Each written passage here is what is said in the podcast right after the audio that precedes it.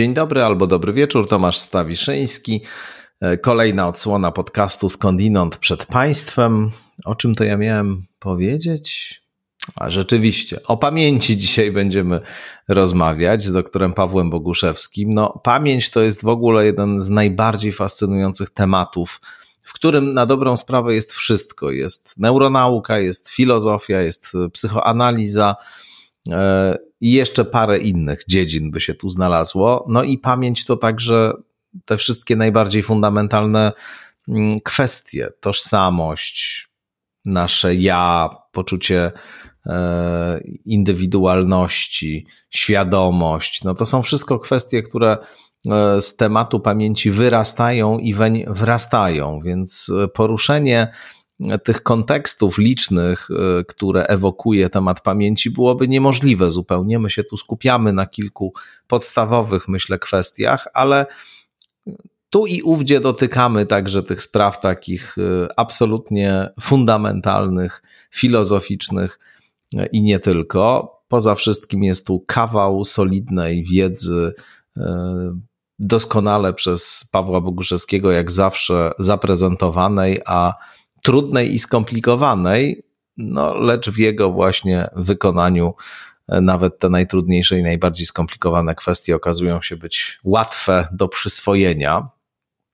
To jest wielka jego umiejętność. Także mam nadzieję, że Państwu się ta nasza rozmowa o pamięci spodoba. No a jeszcze tylko tradycyjnie chciałbym podziękować subskrybentkom, subskrybentom, patronkom, patronom, e, firmie StrategyWise, e, ekspertom do spraw komunikacji za e, wsparcie obfite na Patronite właśnie. No i zachęcam też do tego, żeby Państwo dołączyli do grona osób, które jakoś wspierają skądinąd także finansowo. Oczywiście tylko i wyłącznie, jeśli mogą sobie Państwo na to pozwolić. To tyle tego wstępu, a teraz już zapraszam na rozmowę z doktorem Pawłem Boguszewskim.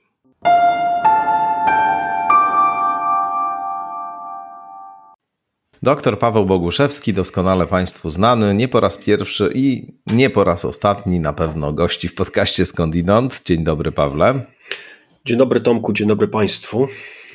A porozmawiamy, wydaje mi się, że o jednym z najciekawszych tematów, e, jakie tylko istnieją w tym e, segmencie szerokim, neuronaukowo-psychologiczno-filozoficznym właściwie, czyli o kwestii pamięci pamięci e, i tożsamości, pamięci i podmiotowości, tak bym te e, granice naszej rozmowy dzisiejszej zdefiniował. Zanim sobie powiemy o różnych nowych pomysłach dotyczących pamięci, e, to chciałbym Cię na początku zapytać o, bo przypominam sobie jakieś nasze rozmowy, w których te wątki związane z pamięcią się, się pojawiły, o to, na ile w ogóle ten mechanizm pamiętania jest e, rozpoznany we współczesnej neuronauce, na ile, ile, ile my o tym pamiętaniu, o tej pamięci realnie wiemy, a ile jeszcze musimy się dowiedzieć? No to jest e, pytanie proste, ale jak zwykle odpowiedzi na Wiadomo. nie nie będzie prostej. Hmm. Ponieważ e, akurat w neuronauce jest tak, że cały czas troszeczkę znajdujemy nowe mechanizmy, które mogą być odpowiedzialne za różne formy pamięci, ponieważ ta pamięć nie jest e, pewnego rodzaju mechanizmem jednorodnym. Hmm. I on nie jest jednorodny zarówno ze względu na to, co pamiętamy, jak pamiętamy, e, i wydaje się też, że jest różnorodne pod kątem tego, w jaki sposób ta informacja potem jest przechowywana przez organizmy żywe. Ale to trzeba powiedzieć, że ogólnie jeżeli sobie tak szeroko bardzo pomyślimy na, na temat pamięci, o, jako po prostu przechowywanie informacji, no to tak naprawdę jest to pewnego rodzaju podstawa, yy, podstawa życia, tak? Czyli żeby się przeciw, żeby przeciwdziałać yy, zjawisku entropii yy, i móc gdzieś coś budować kosztem rozkładu energii gdzieś indziej, no to potrzebna jest informacja, jak coś zbudować, jak coś zrobić. Tak naprawdę ta taka potoczna pamięć, którą o której my mówimy, myśląc, mówiąc słowo pamięć, no jest jednym właśnie z tego rodzaju zjawisk. Jest, jest przechowywaniem informacji po to, żeby organizm nasz, czy grupa organizmów, czyli społeczeństwo, w jakiś sposób lepiej funkcjonowało w przyszłości. E, więc jest to bardzo różnorodne zjawisko, chociaż się wydaje być łatwo definiowalne prostym słowem pamięć. No i chyba taki stereotypowy obraz tego, jak pamięć działa, zresztą do pewnego momentu y, obecny też w różnych naukach o człowieku, a później właśnie skutecznie zdekonstruowany, najpierw y, przez Freuda, a później przez, y, przez neuronaukę. No to był taki obraz, że, że to jest po prostu taki rodzaj rejestratora, to znaczy, że, że nam się to wszystko zapisuje jeden do jednego w głowie i później sobie sięgamy do tych rezerw wspomnieniowych i wydobywamy te informacje, które są nam potrzebne. Tymczasem sprawa jest zdecydowanie bardziej skomplikowana i z uwagi na to, że nie ma takiej e, jednej przestrzeni na tym nośniku, w którym ów magazyn wspomnień by się miał znajdować, i z drugiej strony też dlatego, że ten proces rejestracji no jest e, tyleż, tyleż polega na zapisywaniu, ile na twórczej modyfikacji, na układaniu tego w pewne całości narracyjne, właśnie współtworzeniu, generowaniu na dobrą sprawę jakichś zupełnie nowych wspomnień, które nie odpowiadają wcale temu, co e, faktycznie się wydarzyło przy pewnym rozumieniu tej faktyczności czy, czy obiektywizmu. Innymi słowy, my swoją pamięć w dużym stopniu wytwarzamy, a nie tylko, e, nie tylko jest ona właśnie taką prostą rejestracją e, tego, co nas spotyka, myśli, które nam się pojawiają, fantazji, które nas nawiedzają i tak dalej. Dokładnie tak. To znaczy, tu połączyłeś kilka poziomów, na których możemy mówić o pamięci. Hmm. Tutaj ten jeden z poziomów, e, ten można powiedzieć taki najwyższy, czyli coś w rodzaju mm, coś, czego, co nazywamy taką pamięcią świadomą, pamięcią yy, deklaratywną, czyli taką, gdzie wiemy, co wiemy. Yy, I co więcej, to jest ta pamięć, yy, ta pamięć nazywana pamięcią semantyczną, czyli wiedza taka ogólna, wiedza o, o świecie, umiejętności. Znaczy nie umiejętności takie manualne, tylko właśnie umiejętności, umienie czegoś, wiedzenie o czymś. Jest to coś, co cały czas jest dynamicznie aktualizowany, no bo jeżeli wrócimy znowu do tego mojego wstępu, gdzie mówiłem o tym, po co jest pamięć, że jest to pewnego rodzaju forma, gdzie organizmy żywe są w stanie skumulować jakąś informację i dzięki tej informacji stworzyć coś więcej niż było wcześniej, tak? Bardziej skomplikowany organizm, czy organizm lepiej do, przystosowany do przeżycia, czy organizm, który sobie radzi w jakiś sposób z, ze zmianami w środowiska no to właśnie to jest ten, y, można powiedzieć, główny cel pamięci, która też istnieje u nas, czyli to nie jest, jej celem nie jest rejestracja, jej celem nie jest to, żebyśmy mieli w głowie zapis y, wszystkich rzeczy, które kiedykolwiek nas spotkały, których żeśmy się nauczyli, tylko posiadanie pewnego rodzaju zbioru informacji adekwatnych tu i teraz. W związku z tym każda stara informacja ze swojej natury powinna być aktualizowana modyfikowana. Te modyfikacje nie zawsze idą w dobrym hmm. kierunku, to znaczy one mogą być przez to zafałszowane. E, natomiast ich celem jest zwiększenie tego naszego, naszej szansy na przeżycie czy zdobycie zasobów do przodu. Czyli jeżeli mamy jakieś fałszywe przekonanie o przeszłości, no to nie jest to coś, co specjalnie naturę by w jakikolwiek sposób e, przejmowało. Tak? To, jest, to jest Czyli ta zmienność naszej pamięci, ta jej pewnego rodzaju płynność, skłonność do aktualizacji, skłonność do wypełniania pewnych luk, które są w naszej niewiedzy, mm, pewnego rodzaju, nie wiem, konfabulacjami bądź zmyślonymi rzeczami, jest, y, no, jak to się mówi, it's not a bug, it's a feature. Po prostu tak ma być, mm. tak została pomyślana i taką pełni rolę, mm, a nie jest to pewnego rodzaju jej ułomność. No tak, to oczywiście jest y, wątek już y, przez nas wielokrotnie poruszany i coś, co podkreślasz y, niemal zawsze, kiedy mówisz o takim ewolucjonistycznym sposobie widzenia centralnego układu nerwowego, że jego podstawowym zadaniem nie jest właśnie co z czego wynikają różne korzyści dla nas, jako dla gatunku, z perspektywy ekspansji owego gatunku z całą pewnością, ale też e, rozmaite kłopoty.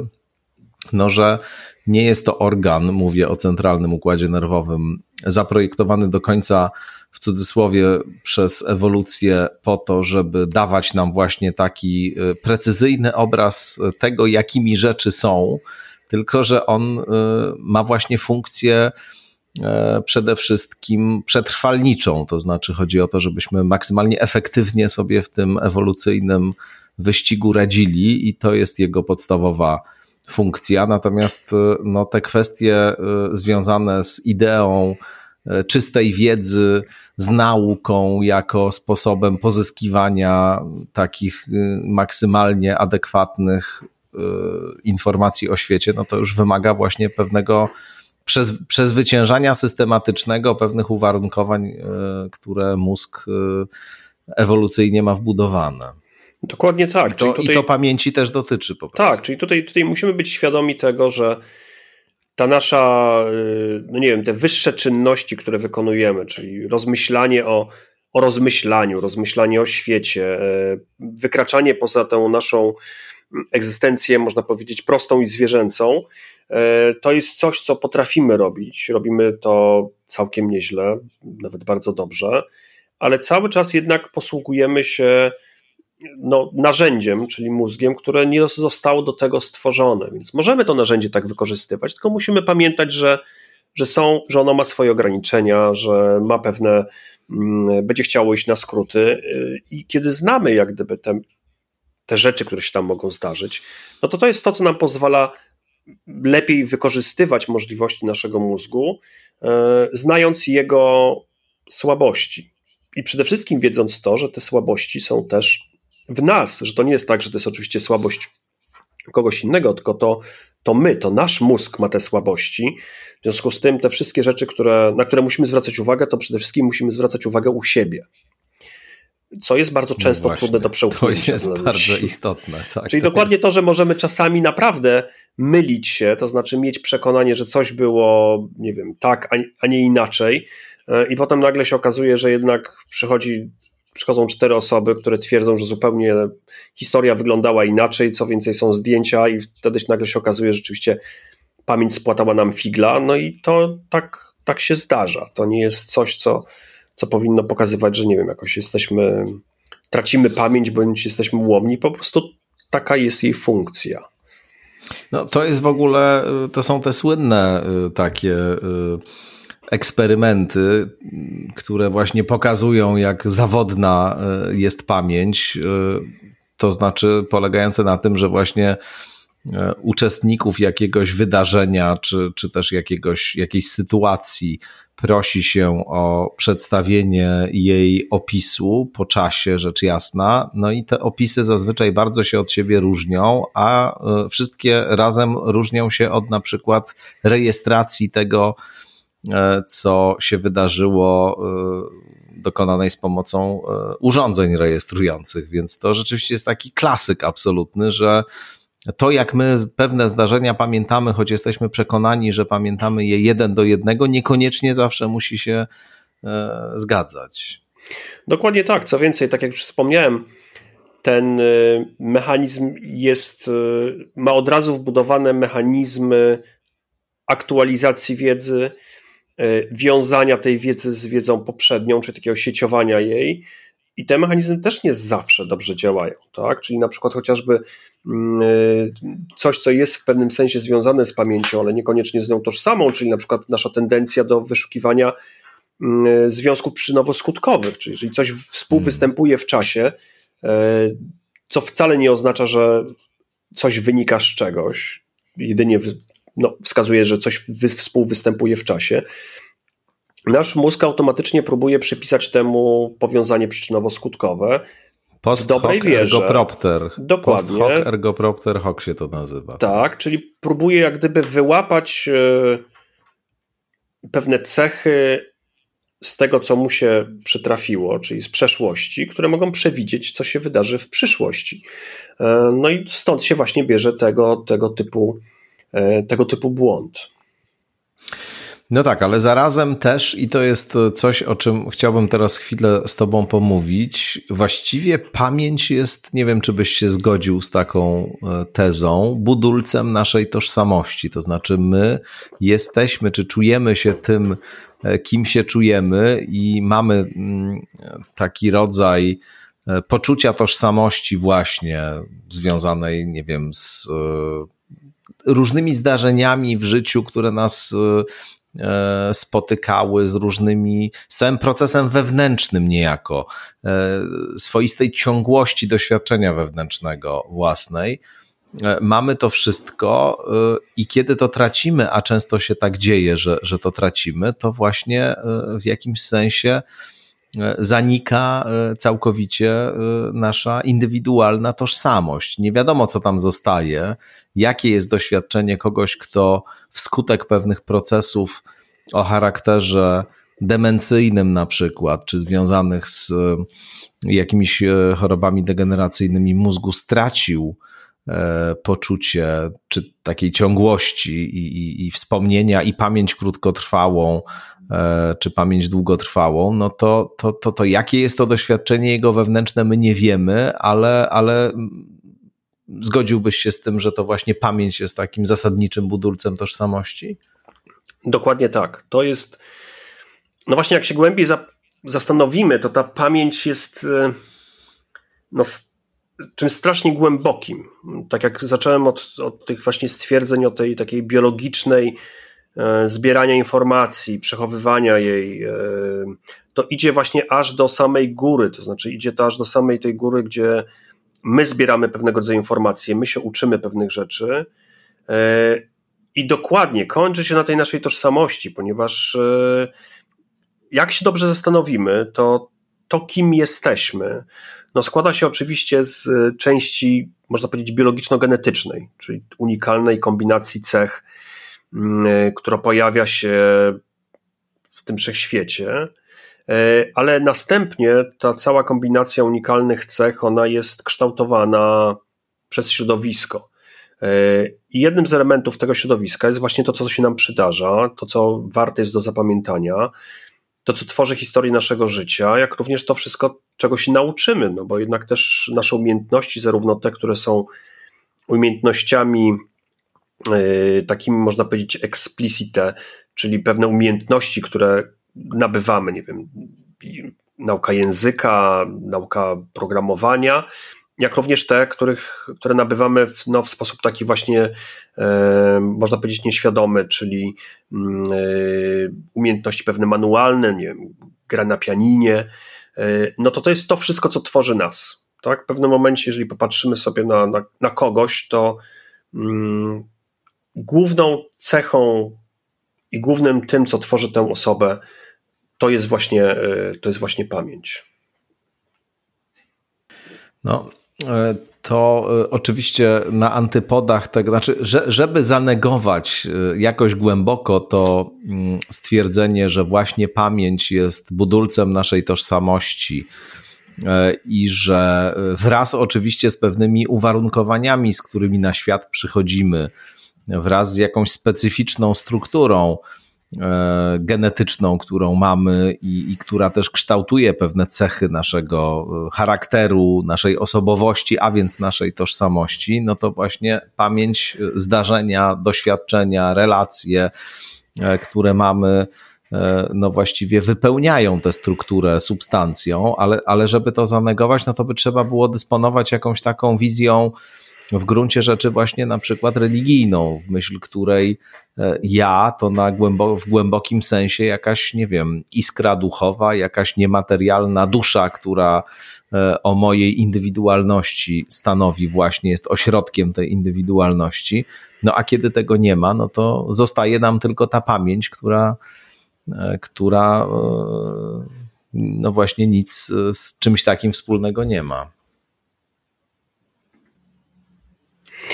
Tak, dokładnie. Wydaje mi się, że w ten sposób możemy się właśnie do tego zjawiska odnieść. To znaczy do, do pewnego rodzaju unikalnej jakości, którą, tak jak powiedziałeś, no, w przypadku różnych systemów religijnych e, nazywa się duszą, czyli pewnego rodzaju. Mm, no, ja to nazywam wtedy procesem, tak, procesem świadomości.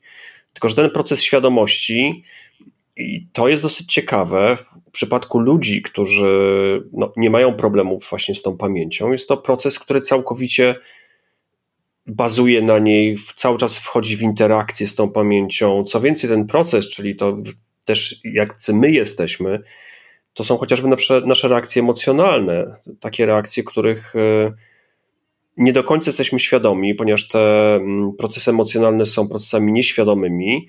E, dopiero odczuwamy pewne efekty, natomiast one też podlegają uczeniu się i też bazują na pamięci, czyli chociażby na przykład pamięć tego, czego się boimy, pamięć tego, co lubimy. Mm, to są wszystko procesy, pomimo tego, że zaliczamy je do klasy procesów emocjonalnych, to jednak one są też związane z e, pamięcią. I to wszystko tworzy nas, czyli to jest dokładnie ta tożsamość. I to, co powiedziałeś właśnie o przypadkach ludzi, którzy tracą pamięć, e, no jest to mm, no, straszne i jednocześnie Y, trochę fascynujące, bo możemy zobaczyć właśnie wtedy rozwarstwienie się tych różnych form pamięci, gdzie takie osoby mogą tracić, e, na przykład w przypadku choroby Parkinsona, mogą tracić e, pamięć proceduralną, czyli taką, jak coś wykonać, czyli czynności manualne, które mówimy, jak, jak to się potocznie mówi, nasze ciało pamięta, tak jak na przykład jazda na rowerze, czy chociażby pisanie, nagle się okazują być bardzo trudne przy zachowaniu na przykład wspomnień bądź też chociażby choroba Alzheimera, która właśnie tym, czym się charakteryzuje, to zabieraniem nam tych wspomnień e, i, i gdzie jeszcze pewne umiejętności, typu na przykład umiejętności mówienia zostają, e, no a potem to wszystko, e, wszystko znika i zostaje pewnego rodzaju proces, który funkcjonuje jako proces świadomości, ale on właśnie bez, tej, bez, tej, bez tego całego zapasu biblioteki pamięci jest, e, jest no taki trochę, można powiedzieć, pusty, jest, jest płytki mm, i, i pozbawiony właśnie tej tożsamości. No też mamy na przykład chociażby e, chorobę Korsakowa, która e, powoduje, że osoba właśnie traci pamięć, natomiast nawet sobie z tego nie zdaje sprawy, to znaczy jest charakterystyczna w tej chorobie tak zwane konfabulacje, czyli osoba wymyśla sobie pewne historie, które w jakiś bardzo kiepski sposób pasują do wyjaśnienia o to, co się pyta, natomiast nie są zgodne z e, prawdą. Natomiast ta osoba jest całkowicie przekonana, że są zgodne z prawdą, ponieważ to jest coś, co ona uważa, że wie, że czuje. E, więc te nasze no, sztuczki pamięciowe i triki są rzeczywiście dosyć, dosyć zadziwiające, ale tu się całkowicie zgodzę, że to jest coś, co tworzy naszą tożsamość, nasza pamięć, pamięć tego, co umiemy, pamięć tego, y, co przeszliśmy, czyli pamięć epizodyczna, jak również te wszystkie formy pamięci utajonej, czyli takiej, która chociażby jest związana z emocjami, to jest coś, co nas tworzy. No i to oczywiście dochodzą jeszcze inne formy pamięci, no nie wiem, chociażby pamięć komórkowa, e, czyli różnego rodzaju formy na przykład podatności, nie wiem, na, chociażby mm, y, uzależnienia, które zostają jednak na bardzo, bardzo, bardzo długo. Cały czas jeszcze do końca tych mechanizmów nie rozumiemy, e, ale jednak pewnego rodzaju podatność na wpadnięcie w powtórne uzależnienie jest, pomimo że już teoretycznie organizm powinien całkowicie wrócić do, do takiej normy biochemicznej, wyrównać wszystkie poziomy receptorów. E, więc tutaj jeszcze mamy bardzo, bardzo wiele do odkrycia.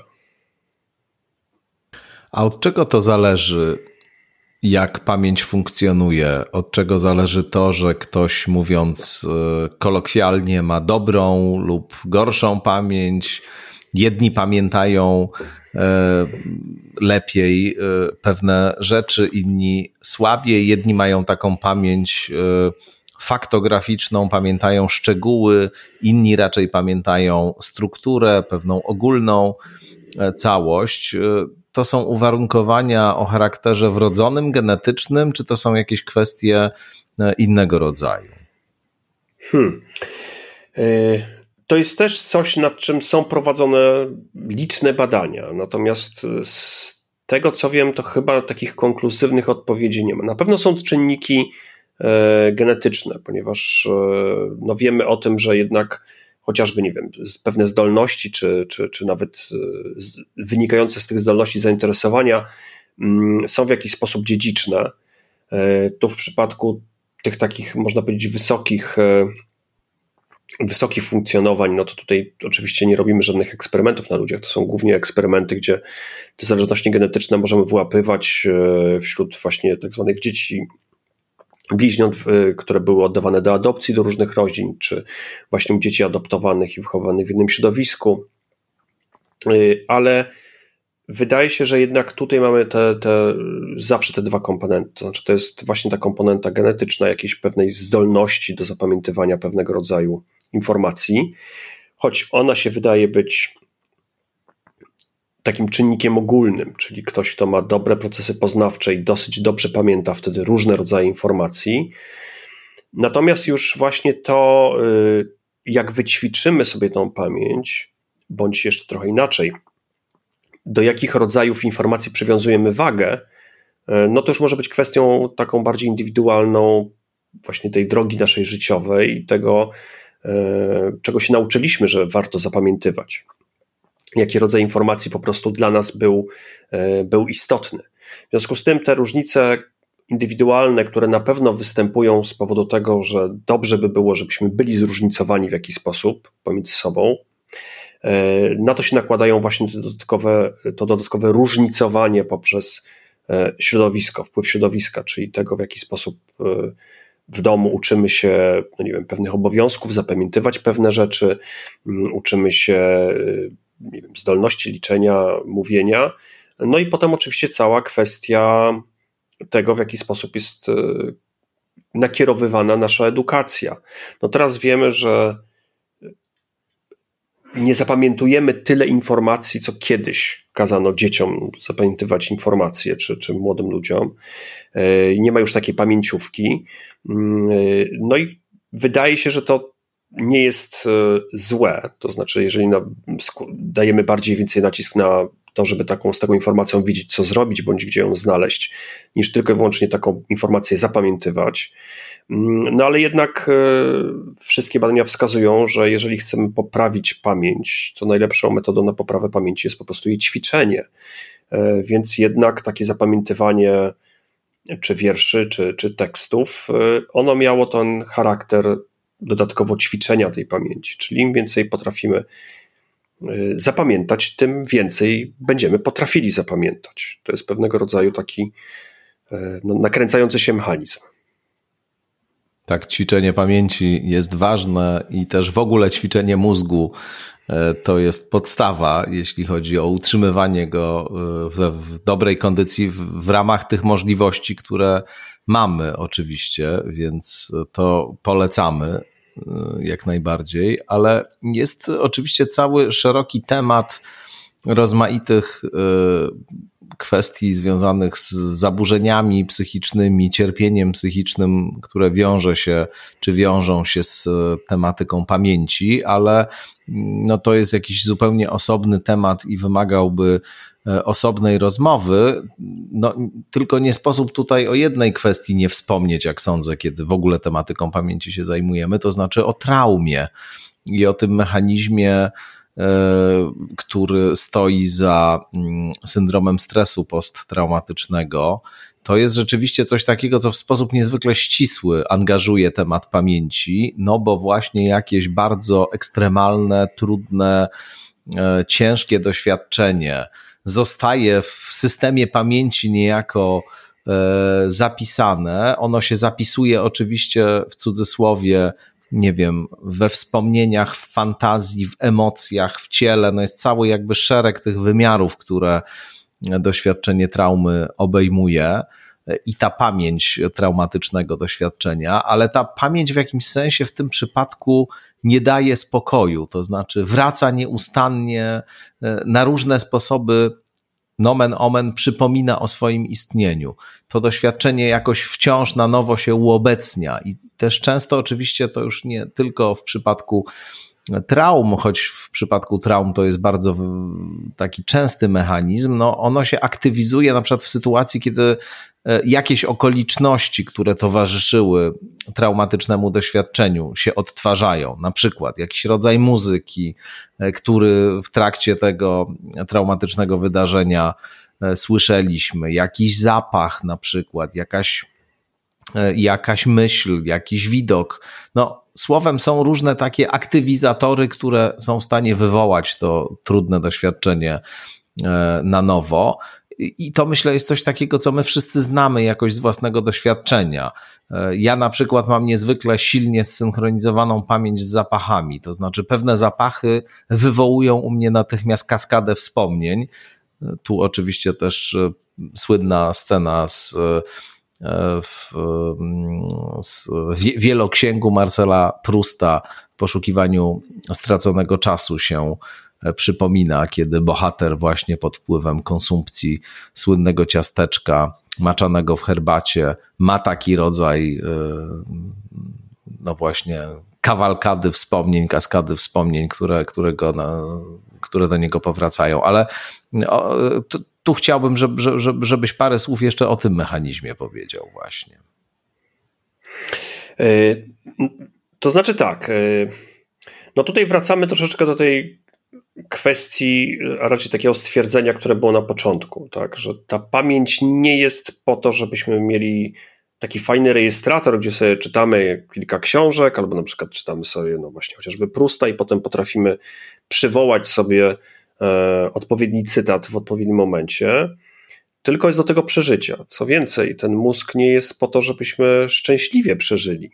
Tak? Tutaj celem E, tej ewolucji biologicznej, której cały czas jesteśmy częścią, której cały czas jesteśmy mm, e, podmiotem, no to jest to przeżycie, tak? I przeżyć niekoniecznie muszą e, osobniki szczęśliwe, przeżyć muszą osobniki żywe i takie, które potrafią potem no, przekazać swoje geny dalej. Przy czym e, statystycznie, bo to jest chyba dosyć istotne, że, tak, tak, że to tak. są takie mechanizmy, które działają na poziomie gatunku, natomiast niekoniecznie tak. działają na poziomie Grupy. jednostek. Tak. Nie, na, na poziomie jednostek tak. dokładnie. Znaczy, no, no właśnie nie musimy być nie jest e, celem ewolucji nasze jednostkowe szczęście. W związku z tym mechanizm właśnie, który powoduje to, że pewnego rodzaju traumatyczne wspomnienia, czyli takie, które nabyliśmy w sytuacji dużego zagrożenia naszego, naszego istnienia, to są rzeczywiście te wspomnienia, które mm, są wyłapywane przez ten układ emocjonalny, bo on jest tutaj przede wszystkim odpowiedzialny za właśnie, można powiedzieć, e, skategoryzowanie tego typu wspomnienia jako wspomnienia ogromnie ważnego, ponieważ to jest to, ten moment, kiedy mogliśmy przestać istnieć i teraz powinniśmy zrobić absolutnie wszystko, żeby uniknąć tego typu sytuacji. I to jest dokładnie ten mechanizm. To znaczy, to jest uczenie się właśnie tego układu emocjonalnego, czyli kiedy uczymy się czegoś, co nie ma dla nas specjalnego znaczenia, to sami wiemy, że w ogóle nam się tego specjalnie nie, no nie chce uczyć. Tak? Z natury e, konserwujemy zasoby, energię, więc uczenie się rzeczy bezsensownych najczęściej kończy się tak zwanym zakuć, zdać, zapomnieć. Tak? Czyli jakaś wiedza wpada jednym uchem, zostaje na czas, nie wiem, kiedy jest potrzebna, typu egzamin i następnym następnego dnia opuszcza naszą, naszą łepetynę drugim uchem, to tu w tym przypadku jest uruchamiany ten mechanizm właśnie takiego znacznika emocjonalnego. Ciało migdałowate, które jest takim centrum wykrywania zagrożenia, ono też jest jednym z miejsc przechowywania właśnie e, wspomnień i raczej może nie tyle samych wspomnień w sensie ich treści, ile powiązania tej treści, to znaczy powiązania, e, powiązania e, właśnie różnych elementów, typu obecny w czasie takiego zjawiska zapach, y, smak, dźwięk, obraz, całe wspomnienie, czyli na przykład osoby, y, czy, czy, czy cała sytuacja, kontekst, wszystko, co się działo dookoła, czyli miejsce, które tak naprawdę nam nie zrobiło krzywdy, ale był tam ktoś, kto nas skrzywdził, to wszystko jest związane w postaci właśnie takiego engramu w tym, w tym ciele bigdałowatym. Jest to coś, co jest y, co ma nam zapewnić przeżycie. W związku z tym właśnie jakikolwiek e, to się nazywa te triggery przy PTSD, czyli nie wiem, dźwięk na przykład, e, nawet cichy, ale przypominający, nie wiem, syrenę przeciwlotniczą, e, czy, czy innego tego typu zjawisko, to jest coś, co uruchamia właśnie te triggery. No tu oczywiście podkreślasz ten aspekt adaptacyjny tych mechanizmów i, i zapewne jest on e, istotny i nie sposób tak na nie nie patrzeć, jakkolwiek oczywiście w, takiej ściśle jednostkowej e, perspektywie, no to to często jest antyadaptacyjne, to znaczy przynajmniej w warunkach takiego świata, w jakim my dzisiaj żyjemy, no bo często tego typu doświadczenia prowadzą do no, tragicznych skutków, to znaczy nieleczone, podobnie jak w przypadku e, ciężkich zaburzeń depresyjnych, e, mogą prowadzić do samobójstwa, do jakichś e, no, wyłączenia w każdym razie też człowieka z funkcjonowania społecznego. To jest w ogóle bardzo ciekawe, jak się patrzy na tego typu zjawiska związane z cierpieniem psychicznym czy zaburzeniami psychicznymi właśnie z perspektywy ewolucjonistycznej i akcentuje się ich adaptacyjny charakter, no jak właśnie widać y, to, że y, współczesna rzeczywistość, współczesna kultura, świat technologii, cywilizacji zaawansowanej, który stworzyliśmy, no właśnie to jest świat, w którym te mechanizmy, które miały w perspektywie ewolucyjnej działać adaptacyjnie, działają często antyadaptacyjnie. To znaczy przysparzają tylko cierpienia, które prowadzi do, do, do, trage do, do tragedii. E, dokładnie To jest tak. też kwestia, wiesz, jest, jest taka tak. świetna książka takiego, takiego psychologa, którego bardzo cenię, Jonathana Rottenberga, który się zajmuje depresją i jest ewolucjonistycznym psychologiem właśnie i taką napisał książkę o ewolucyjnych źródłach epidemii depresji i on tam ściśle pokazuje depresję jako mechanizm adaptacyjny, który po prostu, on się zajmuje systemem regulowania nastrojów specyficznie Rottenberg, no i pokazuje depresję jako swoisty, taki zwłaszcza duże zaburzenie depresyjne, czyli ten taki epizod, kiedy rzeczywiście już jest masywne, masywne, e, e, masywna depresja, długotrwała i tak dalej. I pokazuje to jako, no właśnie taki rodzaj e, generalnego, generalnej awarii systemu regulowania nastrojów wskutek rozmaitych przeciążeń, których ten system E, doświadcza, czy różnych jakichś takich bodźców, które do niego wpływają, które on interpretuje jako potencjalnie zagrażające i on po prostu się wyłącza w pewnym momencie, to znaczy sprawia, że jednostka ulega całkowitemu znieruchomieniu, takiemu E, to, to, takie poczucie ma, że właściwie każda aktywność jest pozbawiona sensu, jest to doświadczenie, nie wiem, anhedonii, rozpaczy, smutku, ale często też właśnie takiej absolutnej obojętności, niezdolności do przeżywania przyjemności. I to ma wymiar adaptacyjny i na poziomie takim ewolucyjnym można w ten sposób na depresję patrzeć. No ale wiadomo, że w jednostkowym doświadczeniu, no to to, co ma być mechanizmem adaptacyjnym ewolucyjnie, prowadzi po prostu często do śmierci. No. Tak, no tutaj się, no to wydaje mi się, że dokładnie tak jest. To znaczy, musimy sobie zdawać sprawę, jest to coś, co rzeczywiście jest pewnego rodzaju bardzo niewygodną prawdą. E, no to są właśnie te prawdy, które są związane z, e, nie wiem, właśnie z naszą pamięcią, z e, nieprecyzją naszych procesów poznawczych, mm, jak również właśnie z tą naszą biologicznością, tak? Czyli właśnie z tym, że te wszystkie procesy, które mamy w sobie, z którymi często się możemy całkowicie nie zgadzać, nie chcieć się z nimi utożsamiać, one po prostu są, są częścią nas. E, możemy tę wiedzę próbować zignorować czy, czy wyprzeć, ale tego się po prostu nie da zignorować czy, czy wyprzeć. Nie, nie da rady wydrzeć z naszego mózgu tej części, która jest tą właśnie częścią emocjonalną, tą pamięcią emocjonalną, bo tak naprawdę no wtedy też stracimy pewnego rodzaju tożsamość. Tak? Jednak to, co lubimy robić, to kogo lubimy, to, jakie, jaki typ innych osób preferujemy, to jest coś, co też, też nas tworzy. Jest to też pewnego rodzaju forma mm, e, pamięci, a niekoniecznie to, co umiemy, czyli właśnie czy te wspomnienia nasze. Także jest to coś, co jest absolutnie nieroz, nierozerwalnie związane z czymś, co można byłoby nazwać e, tą kondycją ludzką. W odróżnieniu być może do tego, co powstanie kiedyś, czyli ta prawdziwa sztuczna inteligencja, świadoma, mm, która być może nie będzie w stanie w żaden sposób zasymulować tej właśnie takiej, można powiedzieć, nieuświadomionej warstwy emocjonalnej, która czyni z nas y, ludzi. Nie wiem, czy na dobre, czy na złe, ale tak obecnie uważamy i tak, tak się wydaje, że jest. Raz na dobre, raz na złe, chyba trzeba powiedzieć. Tak, tak, dokładnie tak. Słuchaj, mówiliśmy już e, trochę na początku o tym, że nie ma takiego jednego oczywistego miejsca, w którym e, wspomnienia są magazynowane. Jakimś pretekstem do naszej rozmowy e, są właśnie badania, które obiecują w każdym razie pewien postęp, jeśli chodzi o rozumienie tego mechanizmu zapamiętywania, i o tym za moment pomówimy o plastyczności synaptycznej, y, o tym, co to jest i jak się właśnie z pamiętaniem wiąże. Ale mm, chciałbym na początku y, Cię zapytać po prostu o te rejony w mózgu, które wiąże się z pamięcią, właśnie. Co to za części mózgu i na ile właśnie my możemy odpowiedzialnie powiedzieć, że tak, oto proszę bardzo, wskazuje palcem tu i tu pamięć e, ma swój, swój magazyn, czy tutaj oto mamy e, wspomnienia, czy, czy akumulowane, czy, czy magazynowane? Nie możemy w pełni odpowiedzialnie powiedzieć.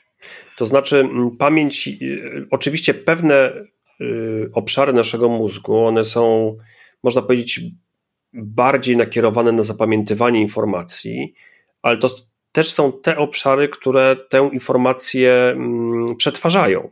Tak? Czyli jednocześnie one pełnią funkcję zarówno pewnego rodzaju procesora przetwarzania danej informacji, jak i również miejsca, w którym przechowujemy informacje o tej informacji, którą chcemy opracować. Czyli tak naprawdę one, te, te dwie funkcje, jak gdyby nie są ze, są ze sobą połączone.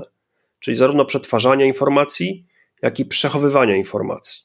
Czyli nie możemy powiedzieć czegoś takiego jak w przypadku, nie wiem, komputera, że procesor służy do przetwarzania informacji, a dysk twardy czy, czy pendrive służy do jej przechowywania tylko i wyłącznie. Tylko tutaj mamy takie właśnie połączenie tych dwóch e, podstawowych funkcji, zarówno zapamiętywania, jak i przetwarzania informacji. Mm, e, I o ile w przypadku właśnie tej e, tych. I teraz tak, no, każde wspomnienie jest jak gdyby, wspomnienie czy umiejętność jest rozbijana na różne aspekty. No bo mamy teraz na przykład wspomnienie, wspomniałeś o tym ciasteczku maczanym w herbacie, tak? No to, to takie, takie wspomnienie ono się składa z bardzo wielu elementów. Hmm. Te elementy ciężko w ogóle policzyć.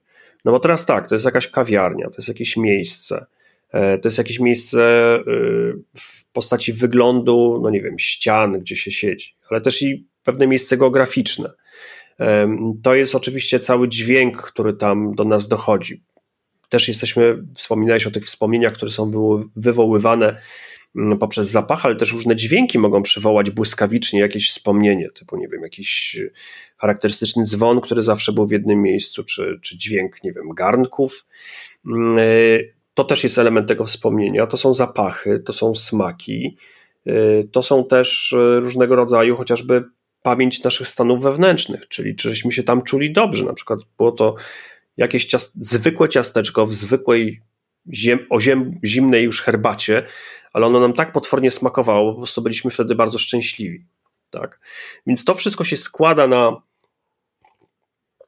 jak gdyby to jedno wspomnienie, które tu nagle gdzieś tam wypłynęło, i elementy tego wspomnienia są przechowywane bliżej miejsc, które przetwarzają tego typu, mm, tego typu y, informacje, czyli właśnie pamięć słuchowa będzie w obszarach bardziej słuchowych, pamięć wzrokowa to będą obszary wzrokowe, mm, y, pamięć można powiedzieć epizodyczna, czyli tego całego zdarzenia, to będą jakieś obszary w okolicach naszej y, kory czołowej. E, pamięć emocjonalna to będzie oczywiście ciało migdałowate e, i generalnie wiele aspektów takiego wspomnienia, one się znajdą w różnych miejscach naszego mózgu. Głównie to są jednak obszary korowe mm, e, i dopiero właśnie pewnego rodzaju mechanizm, którego my cały czas, no z tego co ja wiem, ten postęp w nauce jest dosyć szybki, być może coś się zdarzyło od ostatniego mojego przeglądu tego typu informacji, ale obawiam się, że nie, bo byłoby dosyć duże to, dosyć duży przełom. One w jakiś sposób mogą być synchronizowane, połączone ze sobą. Gdzieś jest ten katalog, który zbiera je w postaci różnych fiszek w jedno wspomnienie, i one razem potrafią wywołać się nawzajem, czyli ten zapach potrafi wywołać obraz, obraz wywołać zapach.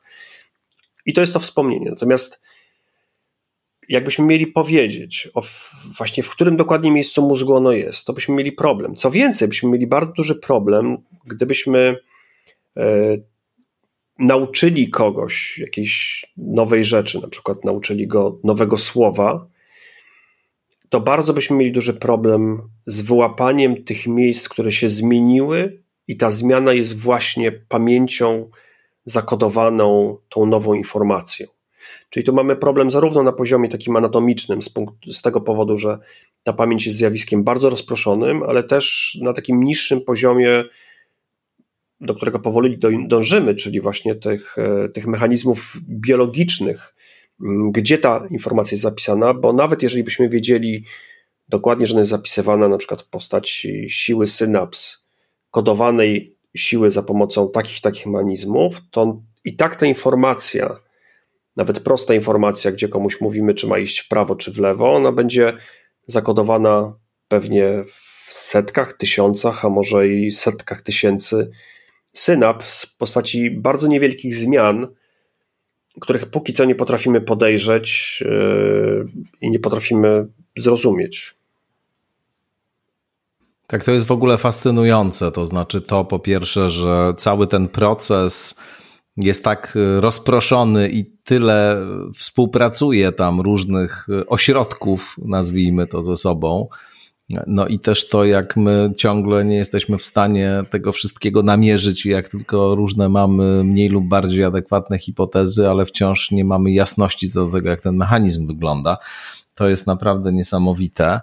Ale pomówmy teraz chwilę wobec tego o tym, co e, jakoś bezpośrednio e, było pretekstem do tego, żeby akurat ten temat pamięci poruszyć.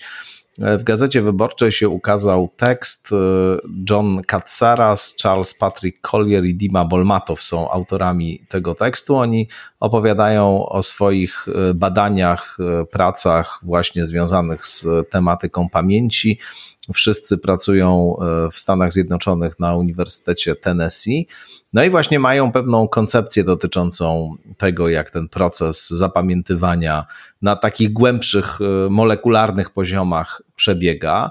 No i powiadają, że jest to w każdym razie mm, to, co tutaj e, proponują, no, czymś, co jakoś istotnie posuwa całą dziedzinę do przodu. Jak ty, jak ty widzisz te ich odkrycia i, i czy mógłbyś powiedzieć, e, e, o co tak naprawdę tutaj chodzi?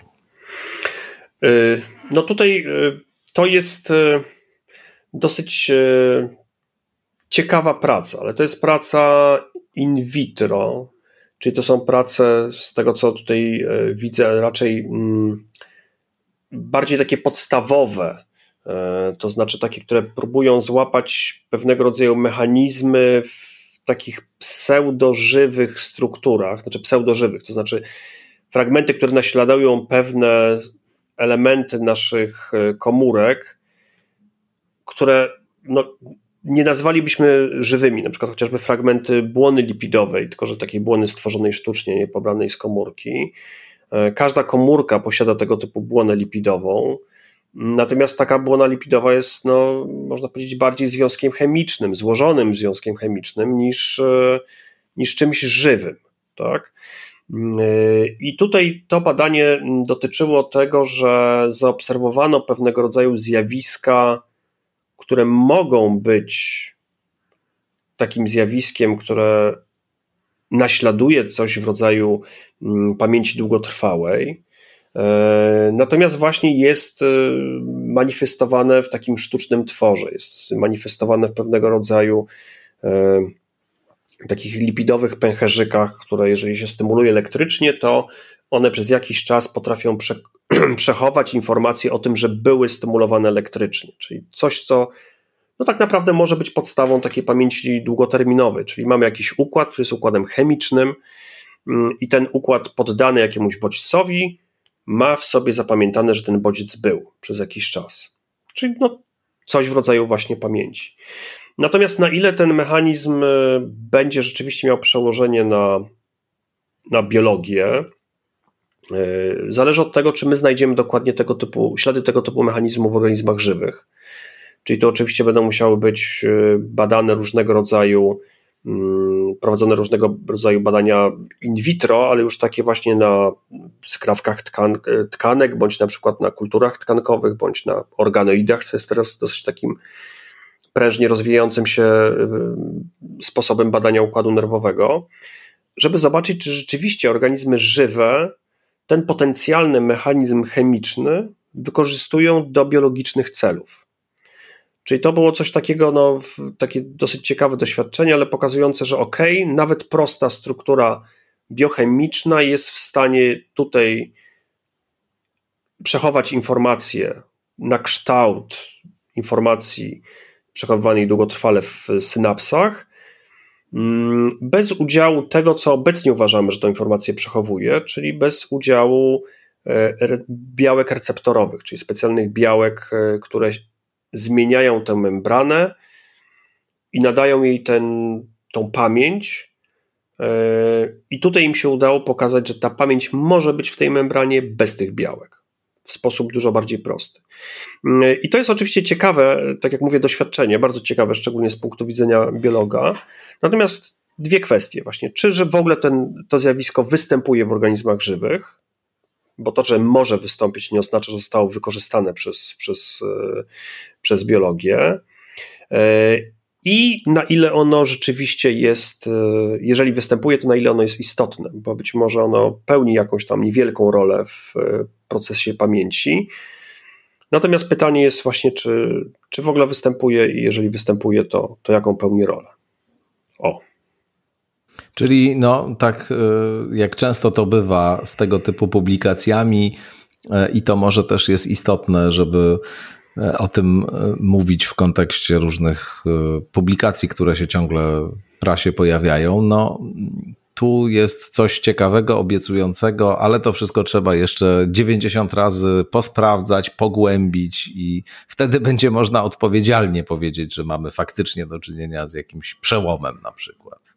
Tak, dokładnie tak. To znaczy, to, znaczy prac, które są e, na tego typu modelach biochemicznych, one są ogromnie ważne, ponieważ one mogą wyłapać mm, zupełnie nowe mechanizmy biologiczne, e, których nie jesteśmy w stanie dostrzec w badaniach biologicznych z powodu ogromnej złożoności organizmów żywych. Tak? Mamy tam setki tysięcy procesów, miliardy cząsteczek, mm, więc pewien mechanizm dosyć subtelny może nam w ogóle zniknąć z pola widzenia, nie jesteśmy w stanie go dostrzec. No tutaj mamy akurat bardzo taki uproszczony model, który nam pokazuje pewne zjawisko. E, I to są no, bardzo fantastyczne i dobre, jak gdyby wartościowe badanie. Tylko tutaj, żeby rzeczywiście mieć tą, tą pewność, że organizmy żywe dokładnie w ten sposób wykorzystują ten mechanizm do pamięci, no to trzeba właśnie przejść do kolejnych badań. Także mm, to badanie może być przełomowe, jeżeli się okaże rzeczywiście, że taki mechanizm jest i jest istotny. Natomiast to badanie może się okazać całkowicie e, nieprzełomowym, acz istotnym w momencie, kiedy się okaże, że po prostu tego mechanizmu w organizmach żywych nie dostrzegamy, w związku, wiemy, w związku z tym wiemy, że jest taka możliwość e, w, tego typu układach e, biochemicznych. Dobrze o tym wiedzieć, bo być może kiedyś wykorzystamy to do zupełnie innych celów, na przykład do stworzenia nowych form, nie wiem, pamięci biochemicznej. Hmm. Tak? To też jest całkiem. O, co masz na myśli, mówiąc o nowych formach pamięci biochemicznej? E, no bo jest to pewnego rodzaju. No, cała technologia polega na tym, że szukamy pewnych nowych zjawisk. No, wydaje mi się, że tutaj akurat tego typu zjawisko nie miałoby specjalnie przełożenia na tworzenie nowych, nie wiem, sposobów przechowywania informacji, tak jak na przykład, nie wiem, zdjęcia czy, czy pliki. Mm.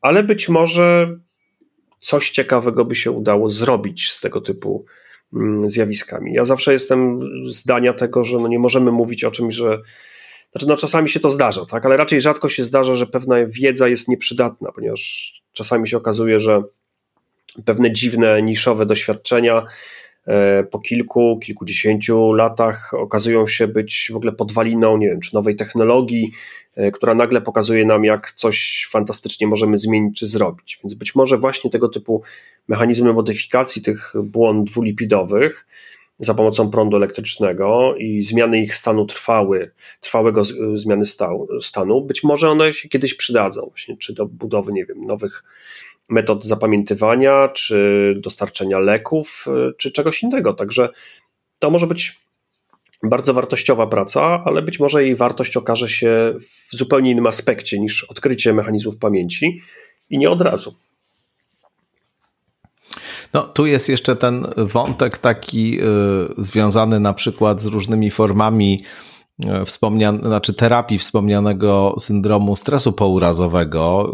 Y, pracuje się w tej chwili nad takimi interwencjami na poziomie farmakologicznym, które na przykład mogłyby usuwać takie traumatyczne wspomnienia punktowo, to jest też w ogóle jakiś fascynujący temat do poruszenia. Na pewno nie rozwiniemy tego w żaden sposób, ale no, są takie e, pomysły, żeby właśnie tego typu rozwiązania stosować i, i te badania jakoś nad tym, nad tym trwają.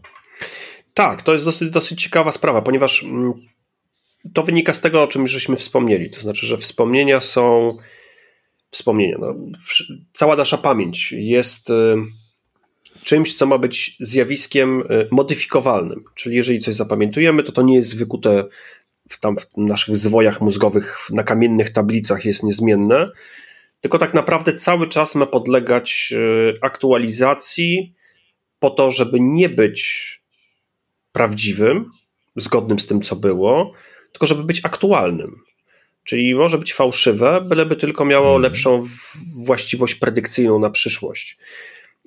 I ta modyfikowalność, y, ona jest związana z takim procesem, który się nazywa rekonsolidacja. To znaczy, że tak naprawdę przywołanie jakiejś informacji, każde przywołanie wspomnienia w pewnym sensie upłynnia to wspomnienie. Powoduje, że ono jest właśnie podatne na pewnego rodzaju modyfikatory. E, I wtedy możemy, kiedy z powrotem je odkładamy na tą taką w cudzysłowie półeczkę naszego, naszej pamięci, ono jest troszeczkę inne. Ona jest, zostało zmodyfikowane przez obecny proces przypomnienia sobie takiej informacji. Mm, to jest między innymi chociażby wykorzystywane w różnych technikach, e, które służą do manipulacji wspomnieniami. To znaczy właśnie przypomnienie komuś jakiejś sytuacji i potem wprowadzenie jakiejś minimalnej zmiany w informacji, czyli na przykład powiedzenie, że no nie wiem, przypomnij sobie sytuację, gdzie byłeś tam i tam i tam była taka osoba w zielonym swetrze. Tej osoby nie było. Hmm. Ale już osoba, która sobie przypomina całą tamtą sytuację, te, tą osobę w tym zielonym swetrze dokłada. Ona może na początku nawet powiedzieć, ok, ale tam nie było takiej chyba osoby, nie przypominam sobie tej osoby w zielonym swetrze. Ale ta informacja już z tą osobą w zielonym swetrze gdzieś zostaje odłożona z powrotem do tych magazynów długotrwałych i przy kolejnym na przykład pytaniu można tą osobę zapytać, a pamiętasz tą osobę? Jaki on miał sweter? Nie, tej osobie pierwsze co tam wyskoczy to jest ten zielony sweter, którego nie było, ale została ta jej pamięć, tej wspomnienia z, zmanipulowana. E, no i tutaj dokładnie e, ta modyfikacja e, pamięci, ta aktualizacja tej pamięci w przypadku tych terapii, o których wspomniałeś, ma być na celu, żeby nie tyle pozbawić osobę tego traumatycznego wspomnienia, nie tyle, żeby wymazać je zupełnie, chociaż też tak się próbuje, e, ile właśnie spróbować w jakiś sposób e, odczepić od tego wspomnienia te bardzo silne linki emocjonalne. Czyli żeby taka osoba była w stanie na przykład przypomnieć sobie jakieś traumatyczne wspomnienie ze swojego, swojego życia, ale żeby to wspomnienie automatycznie nie pociągało za sobą mm. tego, tych silnych emocji. Czyli jakby przecięcie połączenia pomiędzy tym triggerem emocjonalnym a, a wspomnieniem. E, no i tutaj chociażby mm, wiedząc o fizjologii pamięci długotrwałej, tutaj wspomniałem o tym, że obecny model tej pamięci długotrwałej zakłada to, że ta pamięć jest zakodowana w pewien sposób e, w białkach, które są w tej synapsie. Więc e, jedna z takich technik, która no, na modelach zwierzęcych dosyć uproszczonych działa bardzo dobrze, to jest to, że za pomocą odpowiednich substancji możemy zablokować na krótki czas produkcję takich białek. Czyli w tym momencie takie przypomniane wspomnienie, upłynnione wspomnienie, no nagle nie ma w jaki sposób być zapamiętane. Ono w jakiś sposób zostaje złapane na tym stopniu bycia mm, w trakcie update'u, czyli coś takiego, jakbyśmy, no nie wiem, pracowali nad jakimś plikiem na, na twardym dysku, otwieramy ten plik z twardego dysku, kasując go tam i on jest tylko w pamięci komputera i ktoś nam w tym momencie wyłącza prąd. Tak? Tracimy całą tą pracę, która była niezapisana w postaci fizycznych zmian na jakimś nośniku elektronicznym, tylko była w postaci ulotnej pamięci naszego komputera. I to jest troszeczkę coś, co się próbuje właśnie robić w przypadku tych technik eliminacji, selektywnej eliminacji wspomnień, czyli albo wymazać całe wspomnienie, albo przynajmniej spróbować właśnie wymazać tą część afektywną, czyli tą, tą część emocjonalną z tego wspomnienia. E, ale to wszystko są rzeczy, które są, no, można powiedzieć, próbuje się ich od lat, ale hmm. cały czas jest to no, w powijakach. Tak, tak, jest, no bo tutaj to przejście jednak pomiędzy gatunkami jest bardzo trudne, no bo w przypadku modeli zwierzęcych możemy wykorzystywać różnego rodzaju y, właśnie próby modyfikacji pamięci w różnych paradygmatach pamięciowych. Y, w przypadku ludzi jednak ma, no, jest tak bariera gatunkowa, to znaczy ta złożoność tych wspomnień jest dużo bardziej, y, dużo bardziej duża, więc te techniki no, próbuje się je, próbuje się je stosować, natomiast nie zawsze działają i wydaje mi się, że cały czas one są jeszcze na takim etapie eksperymentalnym ale dobrze, że się je próbuje. Bardzo Ci dziękuję za to spotkanie i za tę rozmowę fascynującą o pamięci. No i cóż, do usłyszenia następnym razem. Dokładnie, pamiętajmy o pamięci. O, piękna puenta. Doktor Paweł Boguszewski był Państwa gościem. No i ja zachęcam oczywiście też do kolejnych i poprzednich odsłon skądinąd. Do usłyszenia.